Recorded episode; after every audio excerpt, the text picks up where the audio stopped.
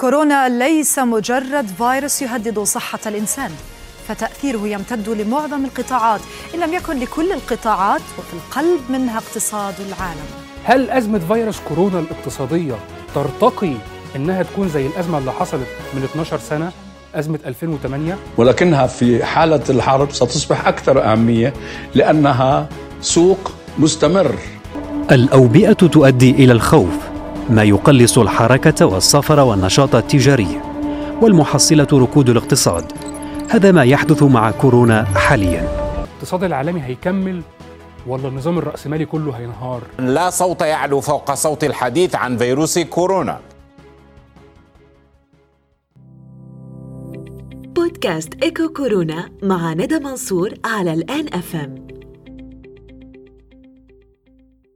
ام منفكة وسائل الإعلام العالمية تتحدث على تأثير أزمة كورونا على الاقتصاد العالمي ومنذ انتشار فيروس كورونا في مختلف دول العالم بدأت عيوب النظام الاقتصادي المالي تظهر. نحكي مثلا على نقص المواد الطبية نقص المواد الغذائية كذلك إغلاق العديد من الشركات لأبوابها وفقدان أصحاب المهن الهشة لوظائفهم. مئات الملايين من الأشخاص أصبحوا يعملوا من المنزل عوض تواجدهم بمكاتبهم وأصبح أصبحت حياتنا بين المنزل ومحلات البقالة والأدوية فقط. وفيما يخص الدول العربية الوضعية تعتبر أكثر خطورة على الصعيد الاقتصادي بما أن الكثير من الدول العربية تعاني من هشاشة اقتصادية قبل ظهور أزمة كورونا. فقد حذرت لجنة الأمم المتحدة لغرب آسيا إسكوا من أن تداعيات كورونا قد تسبب في إلقاء أكثر من 8 مليون شخص إضافي في براثن الفقر والجوع والسبب يعود إلى تقليص تجارة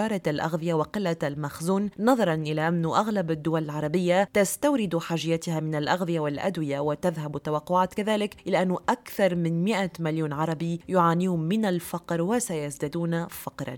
العديد من الأسئلة سنحاول التطرق إليها اليوم في محاولة لإيجاد إجابة ضافية وشافية. كيف للاقتصاد العربي أن يواجه هذه الأزمة؟ الآن وبعد انتهائها. هل تستطيع الدول العربية التعلم من درس كورونا وإعادة الاعتبار للإنتاج المحلي؟ كل هذه التساؤلات يجيبنا عليها الأستاذ الحبيب كراولي رئيس مسيري البنوك الإفريقية والخبير الاقتصادي. أولا ملاحظة منهجية. هناك شبه إجماع عند كل المحللين والمتابعين للشأن الاقتصادي والاجتماعي وصانعي السياسات وصانعي القرارات فيما يخص تشخيص هذه الأزمة. وتقدير تداعياتها التي ستكون اقتصادية واجتماعية أكثر منها صحية. ثانيا إجماع أيضا حول توصيف هذه الأزمة واعتبارها أنه لا مثيل لها في تاريخ الإنسانية وبالتالي من الصعب الاستئناس بالماضي لتفسير هذه الأزمة أو التكهن بتداعياتها على كل المستويات. النقطة الثالثة اللي هي في إطار هذا الإجماع أيضا حول عدم القدرة ل يعني حسب طبعا كل المعطيات المتوفرة لدينا الآن التكهن بدقة بتداعيات هذه الأزمة والاكتفاء بتحديد بعض الملامح الكبرى لهذه الأزمة. أولا انعكاسات وكلفة ستكون عالية جدا. مئات الملايين من مواطن الشغل الضائعة والمهددة. اندثار أكثر من 25 ألف بليون دولار من الادخار الموظف في البورصة. تهديد مباشر حياتي لمئات الآلاف من المؤسسات الصغرى والمتوسطة واللي هي تتوفر فيها يعني طاقة تشغيلية كبيرة. كل التقارير تفيد أن بين 6 و 8% من سكان العالم مهددون بالفقر وبالتالي هناك تقديرات تتكلم عن أكثر من 500 مليون فقير إضافي في العالم. هنالك حسب كل الدراسات حاليا حوالي يعني 2 مليار نسمة يعملون بالقطاع الغير المنظم وبالتالي بدون أي تغطية اجتماعية أو صحية وهذا سيكون من التحديات الكبرى بالنسبة لكل بلدان العالم وخاصة بالنسبة للبلدان العربية والأفريقية. طبعا كل الحكومات وخاصة البنوك المركزية يعني تدخلت بسرعة لأنها قيمت هذا الوضع ووضعت أكثر من عشر ألاف بليون دولار أي حوالي عشرة في المئة من الناتج الداخلي الخام العالمي لدعم الاقتصاديات بهدف مقاومة الكورونا.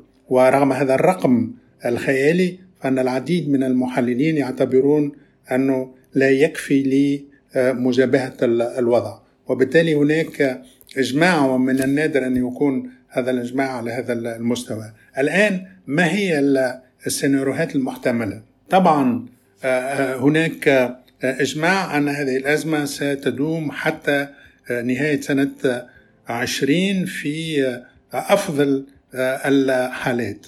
ثلاثة سيناريوهات في في الحقيقة. هما السيناريو الأول ما نجم نعبر عليه ب في courbe يعني منحنى يعني عنده شكل ال V يعتبر فيه أن عمق الأزمة سيكون في حدود شهر خمسة وستة ثم مباشرة سيستأنف النشاط بنسق قوي. هذا السيناريو طبعا جل المحللين يعتبروا أنه سيناريو يعني تفاؤلي جدا ولا يعكس ما قد يكون. السيناريو الثاني هو ما نعبر عليه ب U courbe يعني هذا السيناريو أكثر واقعية في نظري إذ يعتبر أن فترة الانكماش ستدوم أكثر وعلى الأقل حتى نهاية سنة 20 ثم بعد يستأنف النشاط في آه، ما بعد. والسيناريو الثالث هو اللي نجم نعبر عليه ب W curve يعني منحنى في شكل W وهذا وارد آه، أيضا وطبعا آه، رهين جدية وانضباط البلدان في مرحلة رفع الرفع التدريجي للحظر الصحي إذ أن الرفع الكلي والشامل والسريع قد يؤدي إلى رجوع الأزمة من جديد وبأكثر حدة هو في الحقيقة يعني يعني ستكون هذه التداعيات أكثر حدة طبعا في البلدان يعني نجم نقولوا العربية والأفريقية وبلدان اللي هي في طور النمو وباش يكون اختبار وتحدي كبير. تمثل في نظري هذه الأزمة اختبار جدي لقدرة وفاعلية الحكومات في طبعا التوقي أولا من هذه الجائحة وحماية مواطنيها يعني على المستوى الصحي طبعا أولا ثم اقتراح الحلول وإيجاد الآليات للتقليص من التداعيات الاقتصادية وال والاجتماعية. أول ملاحظة نجم نقوم بها هو أنه هذه الأزمة ستعمق عناصر الخطر في كل هذه البلدان من نظام صحي وفقر وخساسة وبطالة وفوارق جهوية وخلافات شغلية وهشاشة رأس المال المحلي. وبالتالي على الدولة أن تبرهن على قدرتها على حماية مواطنيها في مرحلة أولى ثم على اقتراح الحلول وإيجاد الآليات الكفيلة لطبعا مساندة النسيج الاقتصادي والاجتماعي لتجاوز هذه الأزمة ولرفع التحديات فيما يخص خاصة القطاع الغير المنظم اللي يعني آه، على الحكومات أنه آه، تجد له حلول في أقرب الأجال طبعا يعني هذه الأزمة طبعا باش تمكن من بعض الحكومات من مراجعة بعض القوانين المنظمة خاصة في القطاع البنكي والمالي وتعديل التراتيب على الأقل مؤقتا لمجابهة هذا الوضع لأنه العديد من الإصلاحات والبرامج خاصة فيما يخص الامتثال والحوكمة الرشيدة ومعايير التصرف الحذر إلى آخره سيتم حتما مراجعتها لتمكين هذه القطاعات من المساهمة في هذا التحدي آه، الكبير. لكن أعتبر شخصيا أن التحدي الأساسي والكبير هو فيما يخص يعني تأمين الغذاء لأغلبية آه، المواطنين اللي هم في حاجة إلى هذا وخاصة اللي كانوا يشتغلوا في القطاع الغير المنظم هذا باش يكون التحدي الاجتماعي الأساسي. ثم التحدي الثاني هو طبعا إيجاد الآليات وخاصة الموارد المالية لدعم المؤسسات الصغرى والمتوسطة اللي هي طبعا توقف نشاطها كليا في العديد من الحالات وبالتالي هي يلزمها تكون يعني موجودة وخاصة أنه يعني إيجاد حلول ودعم لكل الموظفين والأجراء اللي باش يفقدوا آه، الشغل نتاعهم. يعني حسب تقديرات الأمم المتحدة حوالي نصف مواطن الشغل ستندثر في إفريقيا وبالتالي التحدي جسيم وعلى الحكومات أنها تستنبط حلول طبعا تكون طريفة ويعني تبتكر آليات لمجابهة هذا الوضع اللي باش يكون طبعا كما قلت في البداية يعني اختبار جدي وعميق لقدرة كل الحكومات والدول أنها طبعا تحمي مواطنيها في مرحلة أولى من التداعيات الصحية ثم توفر كل الظروف الاقتصادية والاجتماعية لتمكين النسيج الاقتصادي والاجتماعي من استئناف نشاطه عندما تنتهي هذه الأزمة.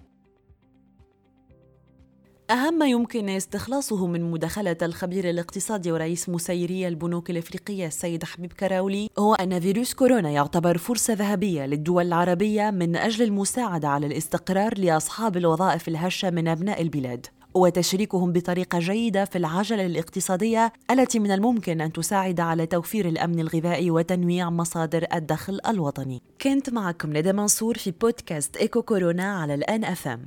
الحلقة القادمة باش نتطرقوا لسؤال وموضوع آخر وهو كيف يرى الخبراء الاقتصاديون العالم ما بعد الكورونا؟ على أمل اللقاء بكم في الحلقة القادمة؟ ردوا بالكم على رواحكم وخليكم بمنازلكم.